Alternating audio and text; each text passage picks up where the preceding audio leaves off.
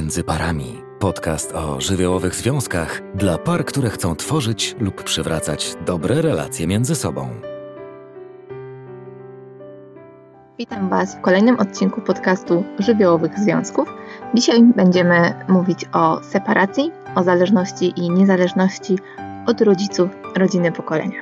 Większość z nas uważa, że jest odseparowana od rodziców, ponieważ jest samodzielna, ma pracę, mieszka oddzielnie, dobrze sobie radzi w życiu, a jednak jest pewien taki wątek, jak więzi emocjonalne, które mimo odległości, mimo stabilnej sytuacji materialnej, życiowej, powodują, że wielu z nas emocjonalnie nie radzi sobie z huśtawkami emocjonalnymi rodziców, innych osób, nie radzi sobie z różnymi trudnymi sytuacjami, które wywołują w nas samych, w nich samych bardzo silne emocje, ponieważ ten kawałek uwikłania potrzeby akceptacji ze strony innych osób, akceptacji naszego zdania, tego, jak wyglądamy, czy mamy dobrą pracę, czy nasz związek jest w porządku, czy nasze dzieci się dobrze zachowują, czy poprawnie wieszamy pranie, na ile mamy porządek bądź nie w domu, a także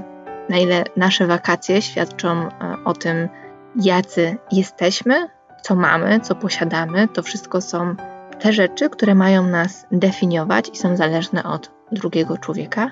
I najczęściej jest to związane właśnie z tym, że jesteśmy bardzo zależni emocjonalnie od opinii innych osób, co często ma też podłoże właśnie w pierwszych relacjach naszego życia, a potem przekłada się to na pozostałe inne relacje, w tym związki.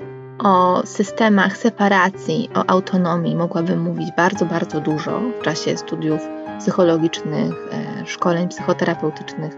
Poświęca się temu bardzo dużo e, uwagi, zwłaszcza jeśli chodzi o terapię systemową. Natomiast w dzisiejszym podcaście chcę zająć się wycinkiem tego aspektu, taką bazą, fundamentem.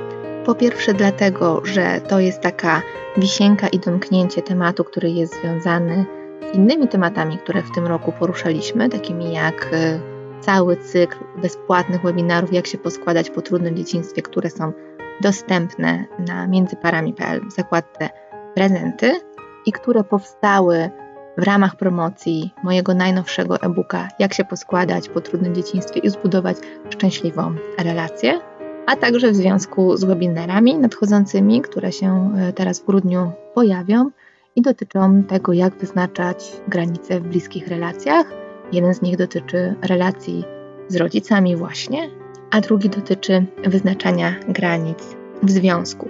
Natomiast e, w pakiecie tych webinarów będę opowiadała też o tym, jak radzić sobie e, w ogóle z osobami trzecimi, które jakoś są intruzywne e, względem naszego związku, jak układać sobie relacje z teściami, jak się separować od rodziców, jak być autonomicznym i jak budować taki związek, w którym też i my będziemy opiekować się sami sobą, nie szukać tej opieki u drugiej osoby, w którym będziemy mogli powiedzieć, że coś chcę, że się decyduję, a nie muszę, powinnam coś zrobić, w którym będziemy dążyć do takiej sytuacji, gdzie każde z partnerów będzie odpowiedzialne za siebie samego. Zapraszam. Zapraszam Marita Woźny. Zacznijmy może od samego początku, czyli od tego, jak tworzy się rodzina. Czyli mm, możemy powiedzieć, że e, cykl życia rodziny jest e, w pewnym sensie taki sam dla każdej z rodzin, a w pewnym sensie inny. E, w tym sensie taki sam, że pewne etapy tego rozwoju następują w każdej rodzinie, e, może niekoniecznie w tej samej kolejności, ale one się pojawiają.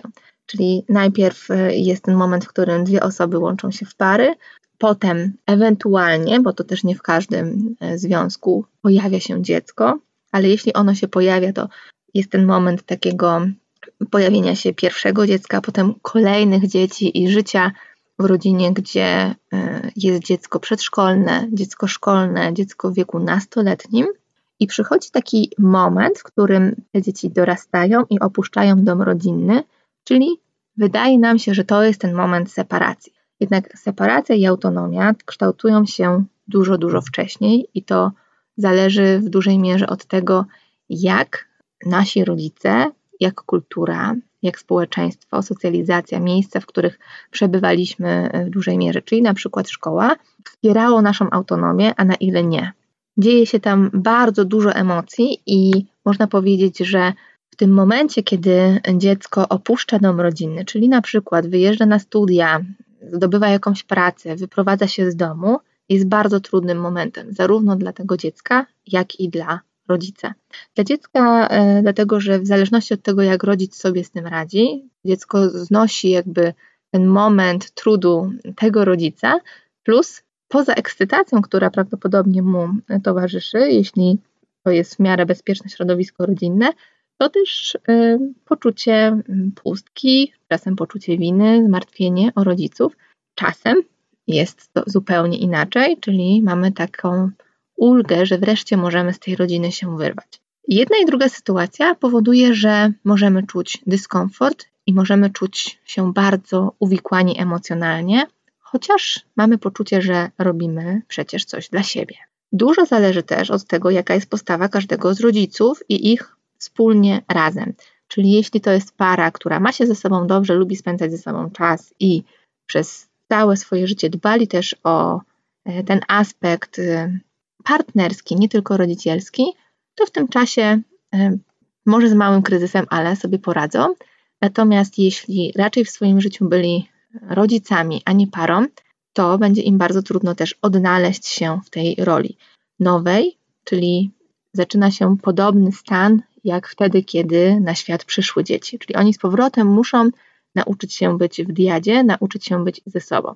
Jeśli przez 20 albo więcej lat ich życie polegało na zaspokajaniu potrzeb dzieci i spełniali się tylko w jednej roli, albo na przykład matka spełniała się tylko w roli matki i nie pełniła innych ról, albo one były drugorzędne, czy też ojciec spełniał się tylko w roli ojca, co rzadko w naszej kulturze się też zdarza, że to ojciec bardziej jest tym opiekunem e, głównym w domu, czyli zostaje na przykład po urodzeniu się dzieci w domu, e, wykonuje tą pracę domową, sprząta, gotuje, pierze, nie chodzi do pracy. To jest dużo rzadszy scenariusz, w związku z czym bardziej myśli się o takich separacjach od matki, ale tak naprawdę to się dzieje znowu w trójkącie.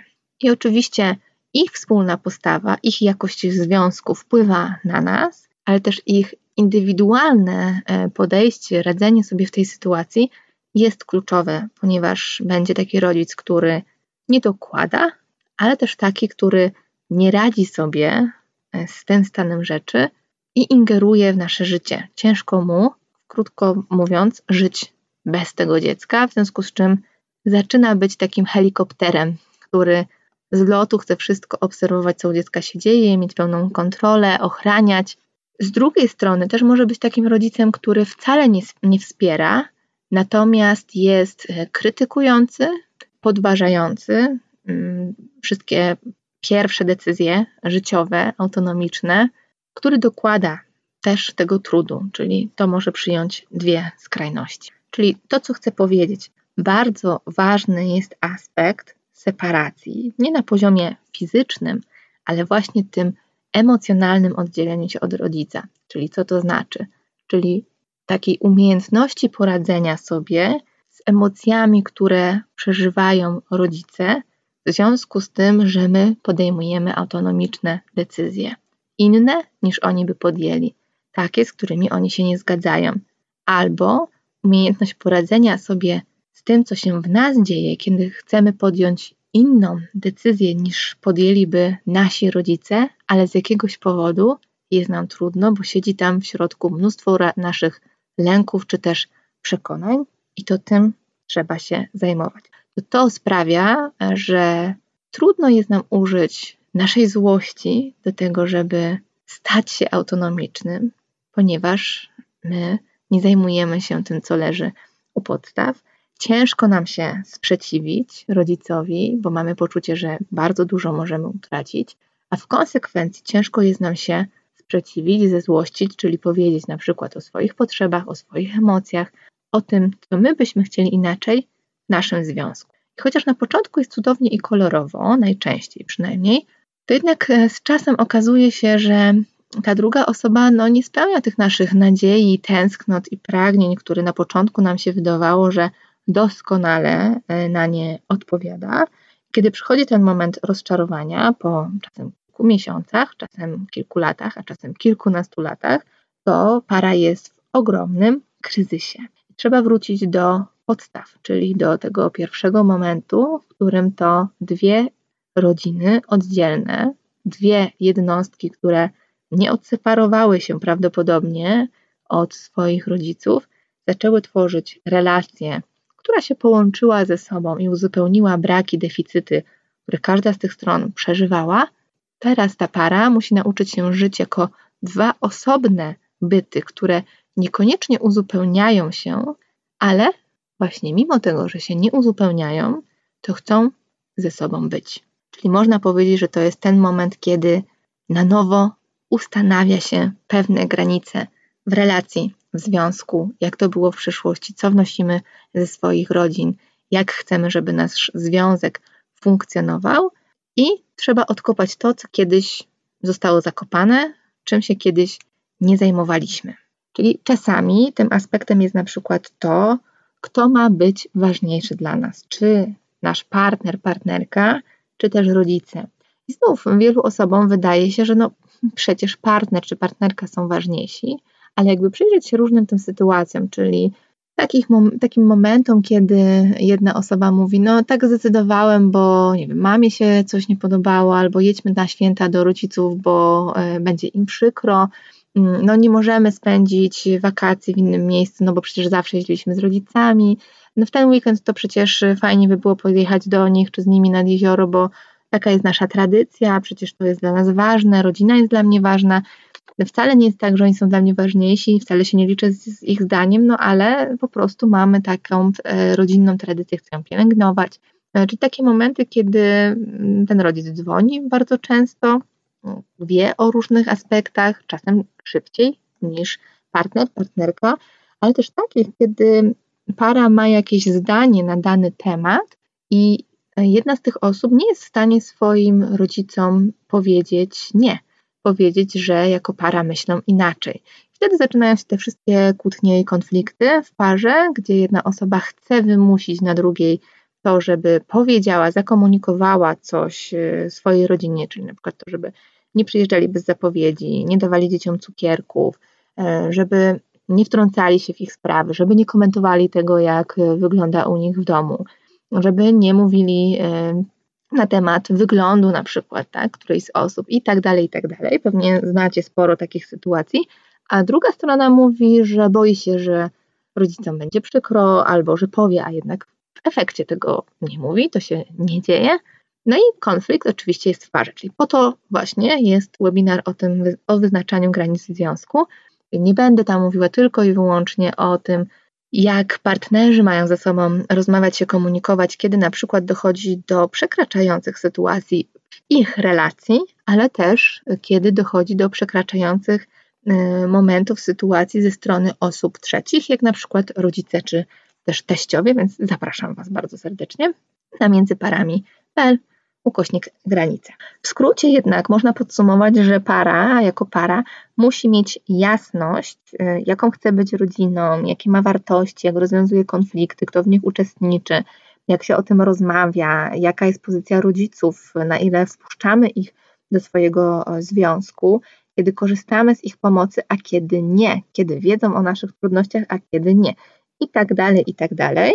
I żeby to zrobić, to każda z tych osób musi samodzielnie, indywidualnie, autonomicznie postawić czy umieć wyznaczyć tą granicę swoim rodzicom bez poczucia winy, bez poczucia, że teraz te emocje mnie zaleją, e, umrę w poczuciu winy, e, będę tym złym dzieckiem, odsuną się ode mnie, zatopię się w lękach, które wokół tego powstaną, tylko poradzę sobie emocjonalnie z tym, że oni mają inaczej, ja mam inaczej. I to się dzieje y, bardzo, bardzo różnie i najczęściej jest to niemożliwe albo bardzo trudne z wielu względów, bo na przykład jest rodzic, który jest niedojrzały emocjonalnie i robi takie rzeczy, które wikłają niesamowicie, a więc tu bardzo często jest potrzebna też y, pomoc, na przykład psychoterapeuty. Też ten moment takiego buntu młodzieńczego, y, który się pojawia w okresie nastoletnim, nie przebiega prawidłowo albo w ogóle go nie ma, czyli na przykład dzieje się tak, że nastolatek no, uczy się negocjować, mówi nie, zaczyna robić różne rzeczy, które są niezgodne z tym, co rodzice chcą. Rodzicom jest to bardzo trudno wytrzymywać, w związku z czym na przykład tłamszą go i doprowadzają do takiej sytuacji, że on się też poddaje, albo on ten bunt na tyle eskaluje, że nie da się go dobrze przepracować y, i ten młody mm, dorosły staje się teoretycznie niezależny, ale dzieje się to bardziej na buncie niż na takiej zgodzie, która dzieje się po obu stronach. Czasem jednak w ogóle do tego buntu młodzieńczego nie dochodzi. Czyli możesz też siebie samego, samą siebie zapytać, czy ty ten bunt młodzieńczy przechodziłeś, przechodziłaś, czy miałeś takie momenty, miałaś takie momenty, w których buntowałaś się rodzicom, kiedy miałaś inne zdanie, tak? Czyli wszystkie, wszyscy kojarzymy te sytuacje, kiedy, a może właśnie nie wszyscy, kiedy e, chodzi się w różne miejsca ze znajomymi, robi się niedozwolone rzeczy, e, nie mówi się o nich rodzicom, tak? Więc e, czy ja tak miałem, miałam, czy o wszystkim informowałam rodziców, czy właśnie pod przykrywką porządności, bycia takim doskonałym, dobrym e, dzieckiem, które nie zachowuje się tak źle jak inni. Informowałam rodziców, zgadzałam się na różne rzeczy. No miałam trochę żal, że nie mogę wyjść na dyskotekę, że nie mogę pójść z chłopakiem, że nie mogę spotkać się z koleżankami, mimo że inni to robią, wyjechać do większego miasta na zakupy. Natomiast czułam się lepsza dzięki temu czułam, że ja jestem właśnie tym dobrym dzieckiem, które nie sprawia rodzicom problemu i to przecież z tymi innymi ludźmi jest nie tak. To ich rodzice źle wychowali. I nie zdaję sobie sprawy, że właśnie e, to jest taki okres, w którym odebrane mi zostało wyrażanie swojego buntu, swojej złości, w związku z czym ja nie mogę tej autonomii i separacji e, w pełni przeżyć. W związku z tym w innych relacjach jest mi też bardzo trudno powiedzieć nie i być asertywnym. I mm, co jest też ciekawe, że e, dzieje się to też w drugą stronę, czyli rodzice dzieci, czyli rodzice tych dzieci, które się nie buntowały, też są zwykle bardzo dumni z tego, że mm, na tyle dobrze wychowali swoje dziecko, że ono im się nie sprzeciwia, że mają dobre kontakty, że przecież ono może wyrazić swoje zdanie, a nie czują tego, że ono też zgadza się albo wycofuje się z różnych sytuacji, po to, żeby ich zadowolić. E, I też oczywiście chwalą się pomiędzy sobą e, komentują te trudne zachowania innych młodych, e, dorosłych czy też nastolatków. W związku z czym, jeśli jesteś rodzicem dziecka, które wchodzi w okres nastoletni albo młodego dorosłego, to możesz być dumny i widzieć sukces w tym, że ono buntuje się. I jeśli to jest trudny dla ciebie czas, to możesz też wziąć wsparcie, zadbać o siebie e, i przejść tą drogę ze specjalistą po to, żeby nie tylko sobie pomóc, ale też swojemu dziecku, żeby żyło mu się też lepiej później. I te mm, aspekty, e, o których wspominałam, też są związane z lojalnością. E, w terapii systemowej bardzo często przyglądamy się tym, jakie są lojalności i czy nie ma konfliktu lojalności między właśnie na przykład partnerem, partnerką, a rodzicami. E, I lojalność jest związana z tym, co robimy albo nie, z uwagi na to, jak zareagują nasi rodzice, czy my ich zadowolimy, czy też nie zadowolimy, czy umiemy sobie poradzić właśnie z tą różnicą, która wynika z naszych potrzeb. Czyli dobrze by było pooglądać, dlaczego wybrałam taką, a nie inną ścieżkę edukacji. Na przykład, dlaczego poszłam na studia, dlaczego poszłam na te studia. W pierwszym odruchu większość osób odpowiada, no bo mi się podobało, bo zawsze o tym marzyłem, mnie w ogóle rodzice nie zmuszali do tego, nie sugerowali. I y, oczywiście myśli się o e, specyficznych środowiskach, gdzie ten y, przymus jest. To jest najczęściej taki wątek, który pojawia się w rodzinach prawników, lekarzy, ale nie tylko. Natomiast y, w bardziej subtelny sposób dzieje się to w wielu, naprawdę w wielu rodzinach.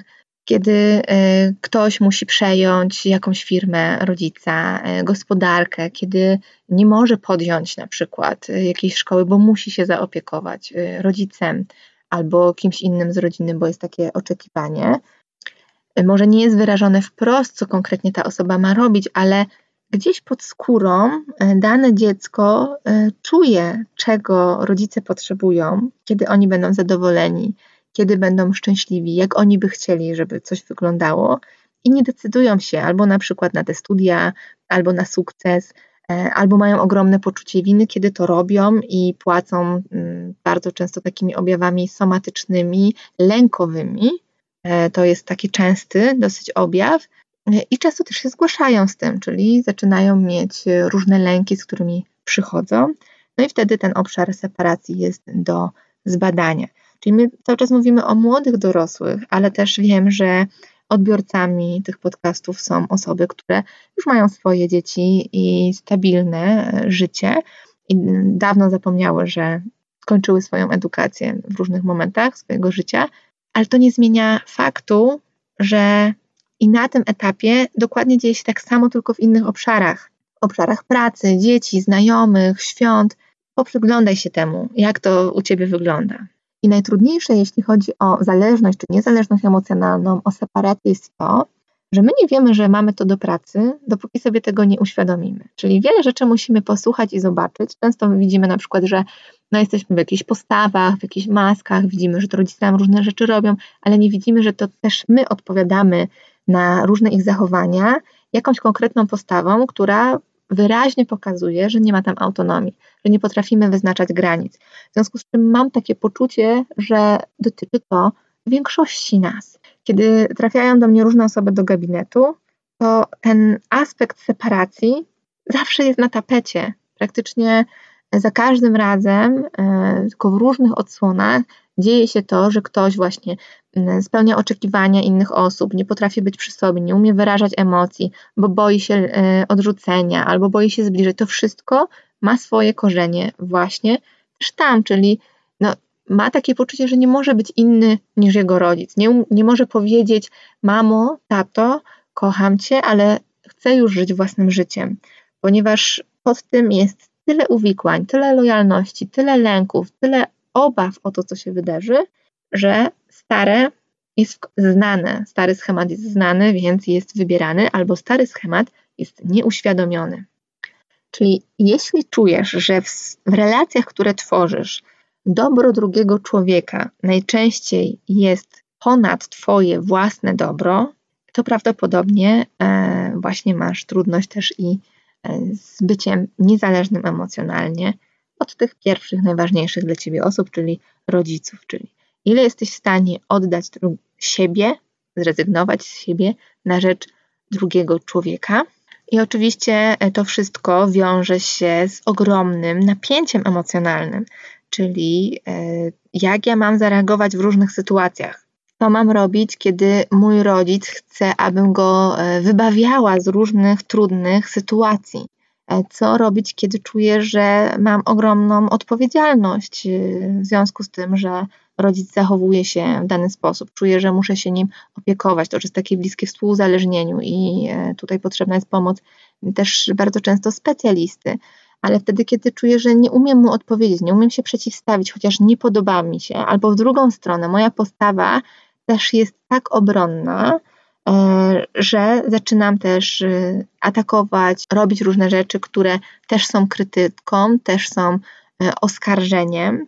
Kiedy bardzo trudno jest mi zdecydować, podjąć decyzję, kiedy widzę, że rodzic wie lepiej i próbuje mi to udowodnić, unieważnia moje uczucia, mówi mi, jak powinnam żyć, co powinnam ro robić, kiedy oskarża mnie o coś, kiedy poniża być może mnie w jakiś sposób, tak? Czyli mówimy o takich niedojrzałych emocjonalnie rodzicach, ale też o takich różnych sytuacjach, kiedy rodzic na przykład jest przytłoczony, a my zaczynamy już robić, działać coś, żeby tylko on przypadkiem mm, wyszedł z tego przytłoczenia, albo jak jest samotny, to zaczynamy go zabierać na wakacje, zapraszać na uroczystości, mimo tego, że wcale y, byśmy go innej sytuacji nie zaprosili. Kiedy czuje się skrzywdzony, zaczynamy go ratować, albo kiedy czuje się wściekły i pokazuje nam tą złość, albo spodziewamy się, że będzie zły, to zaczynamy się podporządkowywać i wycofywać nasze potrzeby, e, nasze e, emocje też z tym związane, w związku z czym ciągle bierzemy odpowiedzialność za jego emocje. Trochę skanujemy jego twarz i sprawdzamy, jak zareaguje, i do tego się dostosowujemy. I właśnie mm, o tym, jak wyznaczać zdrowe granice w bliskich relacjach, będę Wam opowiadała w najbliższych webinarach o wyznaczaniu granic, właśnie, które potem też będą dostępne, e, ale już w wyższej cenie, więc jeśli chcecie, to zapiszcie się, będzie też miejsce do dyskusji, do rozmowy, do wymiany myśli. E, bardzo Was do tego zapraszam i zachęcam. I na koniec y, z takim pytaniem do refleksji, jak Ty czujesz, czy Twoja relacja z rodzicem jest na bazie zdrowej separacji, czy raczej zależności emocjonalnej? Jak Ty czujesz po wysłuchaniu tego podcastu? Dziękuję. To tyle na dzisiaj i do usłyszenia w kolejnym odcinku. Jeśli chcesz posłuchać innych odcinków na temat psychologii związków, zajrzyj na międzyparami.pl. Jeśli masz propozycję tematu na kolejny podcast, wyślij wiadomość przez formularz na stronie.